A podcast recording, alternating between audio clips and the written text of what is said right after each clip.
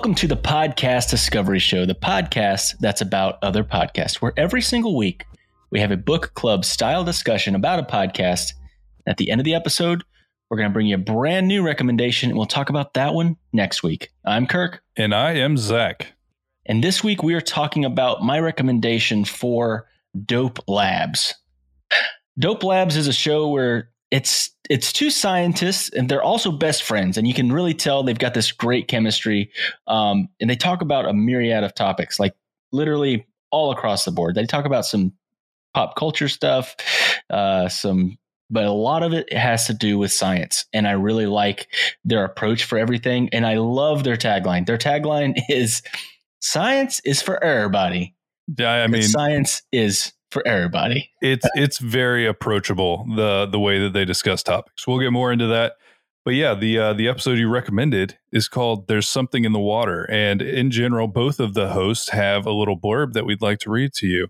Uh, Titi is the executive producer and host, and she says, "I am a materials scientist and engineer. I love hip hop, dark lipstick, big hair, and winged eyeliner."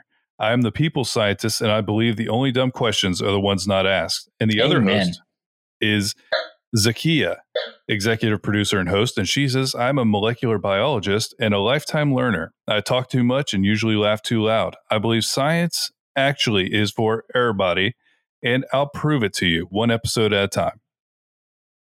I just love their their whole concept of trying to make science feel approachable.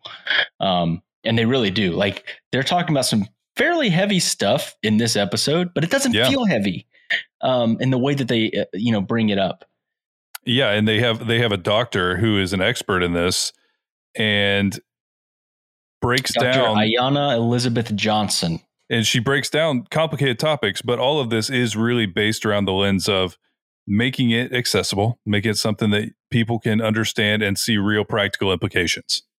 Um, I don't remember which one of these ladies said it, but they said something that I wrote down and just I want to make a t-shirt out of it and I want to write it on my mirror. I just want to remember it and and always uh, live my life by this. Uh, she said, "When you know better, you do better," hmm. and I it's like talking about like now that we as we learn about what impact we might have on the environment, it gives us an opportunity to make the choice to do better. You can't make that choice if you don't know what impact you're having. You know what I mean? Yeah. Um, and so I really liked that concept and this whole. I, I think I mentioned that when I recommended the show is that I really liked the approach that they took, which was not, oh, look at these horrible things we've done to the environment, blah blah blah blah blah blah. It was just, hey guys, we've learned some things, and we can do better, right? Let's just try to do better. And I think that's uh, a very healthy approach. I think there's there's ex- just like in everything else. I feel like there's extremes. You know, there's there's yeah. extremes that are like, oh, it's too late. You know, the the the we've burnt the the world. Now I'm gonna go live in a in a shack in the woods with no electricity because that's the only way that I can impact the world in a good way. And there's other people like, hey, cow farts are way worse than man's automobiles. And there's got to be a balance, you know? like we are having an impact on the environment, obviously. It's not really a, a matter of debate to it, a certain extent. It, it, doesn't have to be, but it is. Um, but yeah, no, it's it really is something where it's very easy for this to become very negative, very like defeatist, essentially. But in the end, we're learning a lot. We're learning how we can positively impact the planet as well. And so I think that that type of education and the types of things they talk about in the show really do kind of help you reframe that into something where oh it's already done. The we're we're we're screwed. There's nothing to do. Like it's much better if we can approach this with something with something of like y- there is things we can do. We know what these things are now. Let's let's get to work on it. Mm-hmm. yeah. And they they kind of kicked off the show talking about because this was post COVID when they recorded this. Mm-hmm. Um, it was probably more in the heat of COVID than where we are now. Hopefully, fingers crossed. Um, but they were talking about the positive effects that quarantine has had on COVID, or not not on COVID, on the environment. and uh, I I thought that that was really interesting when a lot of stuff like that was coming out. We're, I remember one of the things that I read. I think it was a picture, and it was like dolphins in Venice or something like that. It, and that hadn't been seen in like I forget how long. It was ridiculously long. Um, and then there was I think there was a thing that we talked about with sea turtles coming to an area in mm-hmm. India to lay eggs for the first time in forever. Yeah, and, no, uh, well, a lot of species we thought were extinct were rediscovered because of quarantine. And uh, really, it, it does at least show the impact that humanity and everything we have exactly. impacts nature. You know we we can at least see that because as soon as we stopped going out we stopped having boats we stopped having people travel there was definite visible effects from nature responding to that. Which is fascinating. And and, and i think it is one of those things that kind of is, is a testament to um, our effect on our environment around us whether it be small or large. But we are definitely all of our inputs and our choices do affect the environment around us. And there's even some negative effects because she mentioned finding masks everywhere. And that is one of the things that I'm like, I had not thought about that, but I, I, see masks on the ground all the time. And it's just one of those, it's weird. I don't know why. There's a few things that trigger me, and masks as litter trigger me. I don't know why. It just does. Um, also, in, in, general, just throwing trash around kind of bothers me because like yeah, just litters. put just put it somewhere else. Honestly, just put it in your car until you're by a trash can. I don't understand. I never did because we live out in the country, and so uh, I would say in country areas, um, stop signs and things of that nature become targets for throwing trash at, and so it like kind of congregates around things because they just see it and they can throw it at it and it's always bothered me because it's like just don't just there's trash cans everywhere. Like if you're looking for a trash can pretty much anywhere you can find it. Yeah. But and you know i just thought that was an interesting uh dichotomy of like the positive and negative effects that um this pandemic has had on the environment.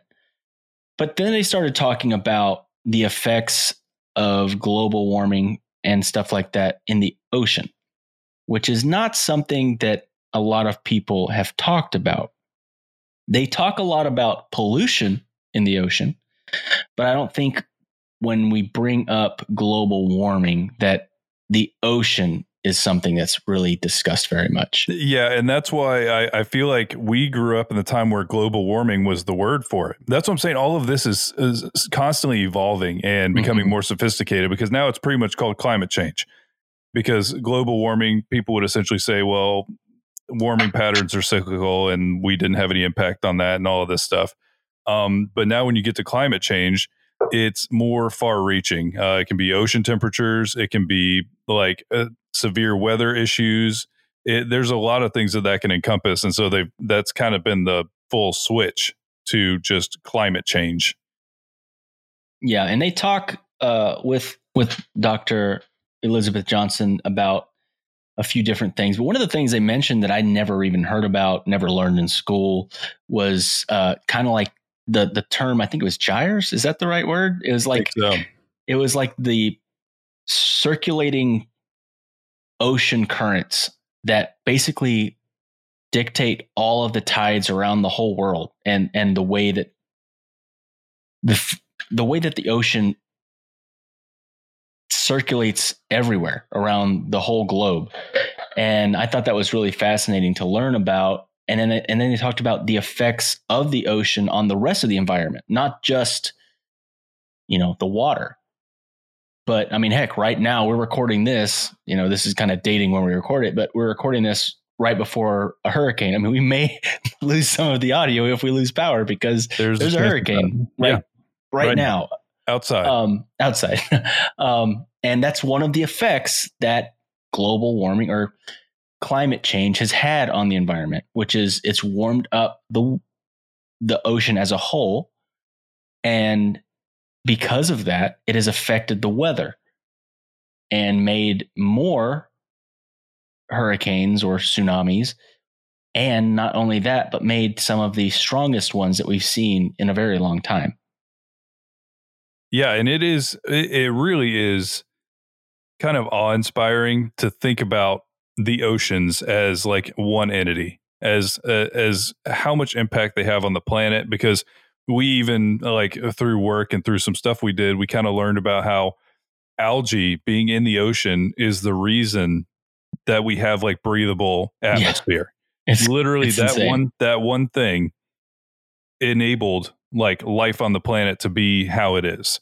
And so just that one thing, the ocean being alive with algae brought everything else. And so it just it has such a huge impact that it's so crazy to kind of learn dig more into this.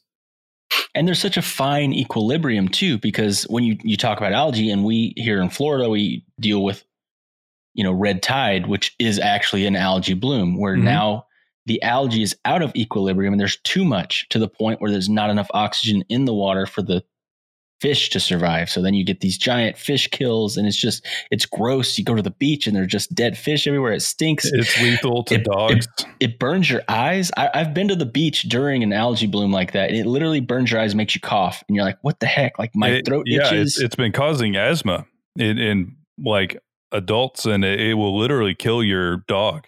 I didn't know that. Mm-hmm. I didn't know that one. So, and but, that one, that's another one where it's like, I wonder how this happened. Um, uh, we don't have to get into all of it. There was a uh, a spill, a spill in our area that was seen for, I, I, think, literally for like forty years, and just they didn't. It's a big company that didn't care. It spilled into our bay, and if you look at the map of where the red tide is happening, strangely, it is exactly where that spill was dumped into the bay. So it's one of those things where we have to kind of comprehend how we're affecting nature because yeah, we threw the balance off there. And it's it's Florida's a tourism state and the it's one of the things I feel like everybody can kind of get behind mentally at least, you know. We'll we'll see if anybody really tries to address the problems here. But everybody gets that people want to go to the beach and they don't want there to be dead fish everywhere. And that is preventable. We we can prevent that. It's just and so it's just I, I, feel like by learning this stuff, you see where the issues are, and then that's when the change can happen. You know, and that's the, that was something I really liked about this show, where they make it so that's very accessible. You don't have to be a doctor to listen to this show because you hear, mm-hmm. okay, you have two, you have a, an engineer, you have a molecular biologist, and a doctor telling you about the ocean. It is not dry. Do not get no. the wrong impression about uh the show at all. It is very funny. It's really fun to listen to, and they they their stated goal for the show is to make it accessible, and they do the whole time. And so you're learning about these things, but not in a way where you feel like you're at a at college just hearing a lecture. It's nothing like that. Yeah, no, it, it's definitely very approachable. And one of the they did talk about some of the misconceptions with conservation, and one of the ones that I didn't actually think about um, and I, I don't know. It's just, it was weird to in, be introspective about this kind of stuff and what we've seen in, in culture is uh, the racial misconceptions about conservation. This one was really interesting to me because I had never even thought about never that. Never even thought about it. And, and, and once they started describing it, is like, wow, everything in the media is like some lumberjack white dude that wants mm-hmm. to true. Yes. No and I, I, definitely think that's a problem especially when they they have just full evidence saying that it, this is a disparity that is not at all accurate aside from it being just stupid you know aside from it being like whitewashed it also isn't accurate. You know that's not the main drivers of uh, environmental activism or uh, any of these things. And so it's like, well, that's something I didn't know. And it was just one of those things like, okay, of course it's that stupid. And the, the entire groups of people who are doing great work that are being ignored by the media. So it, it is just crazy to think about. But yeah, they talk about a, a few different, uh, you know, misconceptions about conservation and things that we can do. And that was one of the things that they talked about that I, you know, I had never really thought about. And when they talked about it, I was like, man, that's true. You know, I don't know. It's just I really like their description kind of, been, of, like who it is. It's like some like college guy wearing Patagonia, everything. it's like, yeah, that's that sounds about right. now there's something else that I will not lie. I went down a rabbit hole because I was like, what? I've heard so much about this because it's just it's one of those things that has somehow been politicized, even though it's kind of a bipartisan thing, and that is the Green New Deal. And the misconception, and honestly, this is what I believed for sure because it was a something to do with government. So I figured it was like a giant stack of paperwork that was a million pages long and not readable because it was all in legalese. But the Green New Deal is 14 pages long.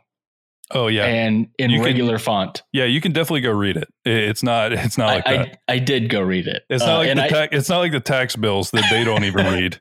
exactly. Here's an 800 page tax bill that no one has read. Let's go ahead and sign this. but I I actually wanted to read some of it because I think that it's it's it's worth reading. There's some of it that's Oh, it's great. okay. I think that we can all agree on almost all of this. Um, no, the problem is where they're getting the money. That's that's why that's why there's it's a political thing is where they're getting the money for the Green New Deal is the the contentious part. Is I'll I'll say it that way. Yeah, I, I I- can see that. I can see that. Um, the main thing that I wanted to read was this, just kind of like I, I paraphrase it a little bit, but it's basically what it is as a whole. It's kind of like the mission statement of everything.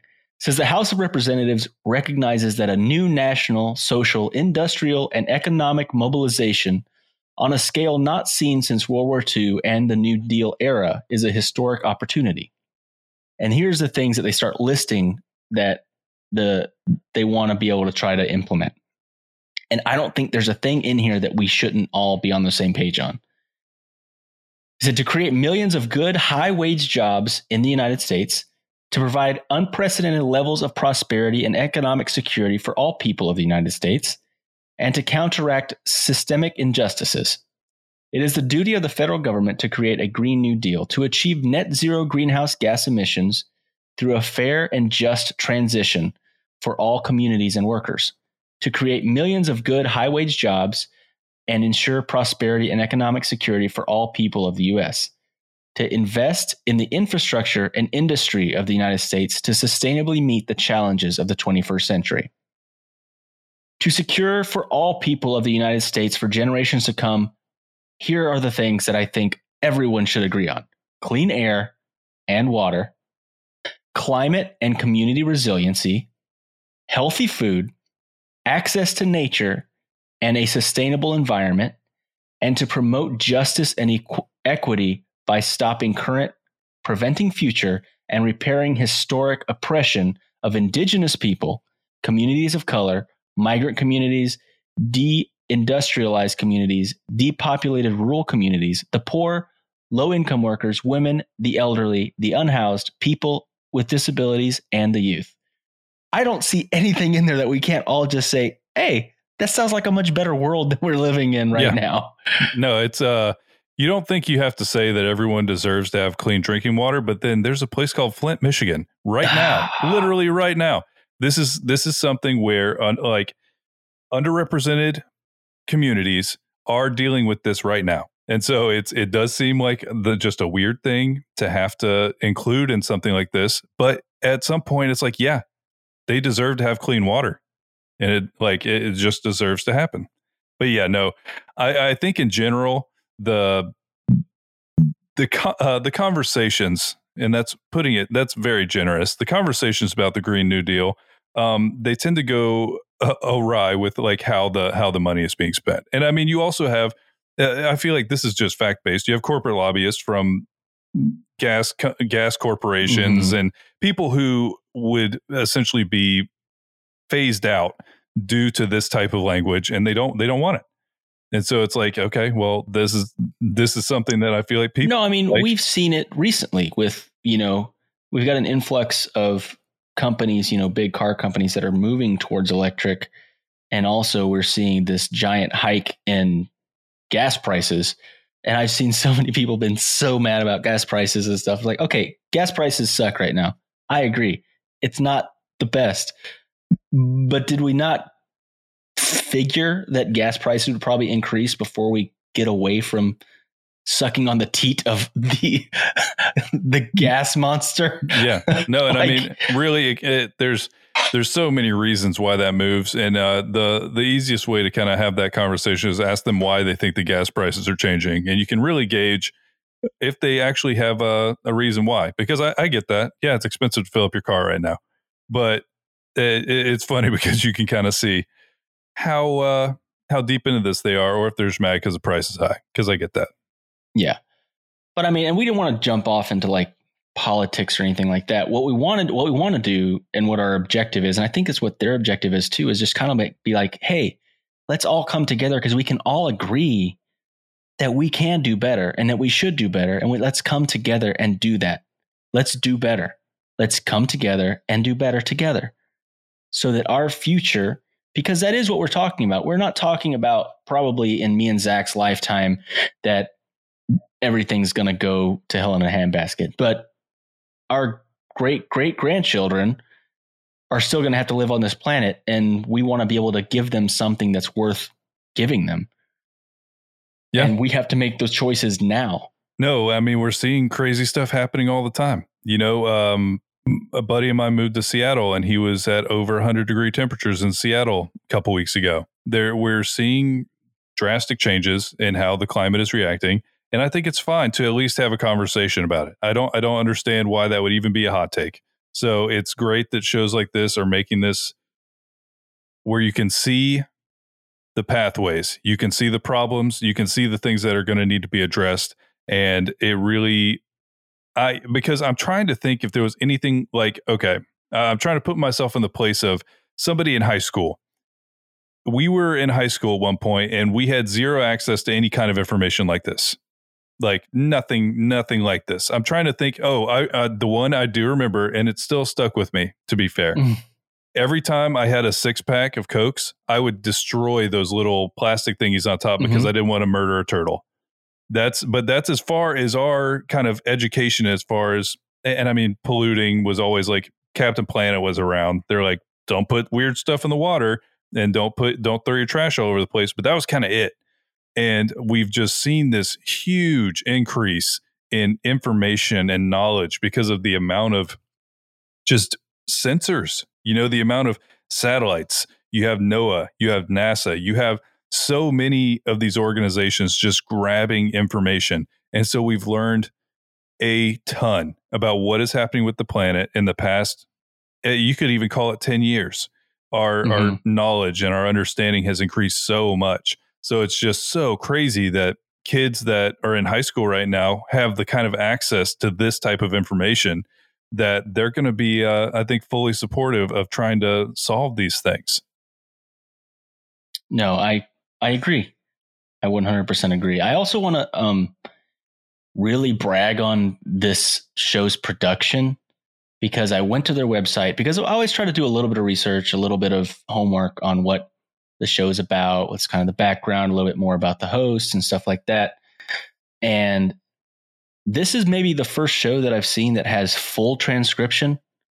So, like, I was reading along while listening to the show, which made it much more easy for me to like retain the stuff they were saying. But not only that, but they have each one of they call them labs. So this was lab 28. There's something in the water. Mm-hmm. And in this, they have this whole extra thing. It's almost like a, a blog that goes along with it that has a million links. It has literally like YouTube videos about, you know, from National Geographic. They've got links to the the what is it? The things that were mentioned in the Billion Oyster Project. They've got everything about, you know, Elizabeth Johnson, Dr. Elizabeth Johnson and all of her things that she's done. Um, they've got this whole section that says homework, and then it says uh, it's basically Dr. Johnson shared, shared some great links that we came across a couple others that you might enjoy. And there's all these links and books that you can read, and there's so much work that you can tell on the back end that went into these episodes. And um, as content creators ourselves, it's really good to see these kind of things, and we appreciate it um, a lot because it makes our job easier. To- yeah, no, it's it's I, I'll, I'll throw this out there just in general. It's worth checking out your favorite podcast's website because there mm-hmm. are a lot of podcasts that do stuff like that that really have a lot of back end things that really add to your appreciation of the episode that you listen to. So yeah, it sounds great too. You know, everything about the production of the show is great. Really awesome show. Go check it out. Go take a look at the names of their labs and I'm sure you will find one on there that immediately piques your interest and, and check it out. I think you're yeah, going to have I a great time. They've even got one just on Cardi B. So I think that if you they don't have one like on Cardi science, B, yeah. why, why did you not do that one? Who cares about the planet? I need to learn, learn more about Cardi B. I think that we all know enough about Cardi B. you say that, but you don't know what you don't know. It's true. It's true. Wait, what? What was the quote again? Um, you know more, you do better.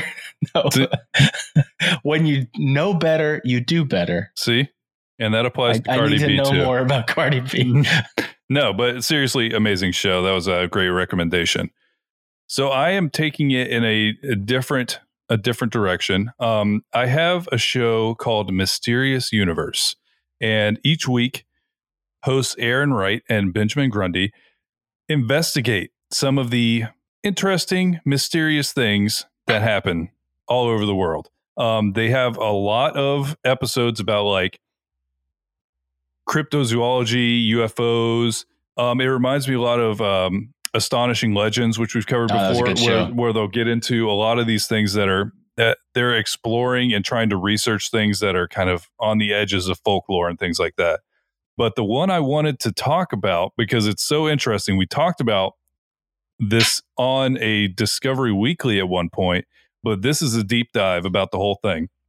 It's called um, 25.24 is like the the first thing, and then it's called Fenn Hunters. And this is the guy. eh, He was a poet, and he was getting he got diagnosed with cancer, and he devised this plan to go out epically. So he wrote a poem that was a treasure map, and he hid wow. he hid a treasure in somewhere north of the Santa Fe of Santa Fe is all he told everyone. But he gave them clues and it started an entire kind of like cultural thing of people just wanting to find that million dollar treasure chest in the mountains because he literally gave you the he gave you like a, a it's cryptic sure Mhm, it's a mhm. but he gave you a clue he gave you a riddle to solve and at the end is a treasure and I won't no more spoilies. That's uh that's what the that's what the episode's about. There's a lot of cool things that'll that'll I'm be fun excited. to talk about. Um, it's a really interesting thing. Uh, and yeah, so next week we'll talk about Mysterious Universe, Fenn Hunters. And remember, There's always more to discover.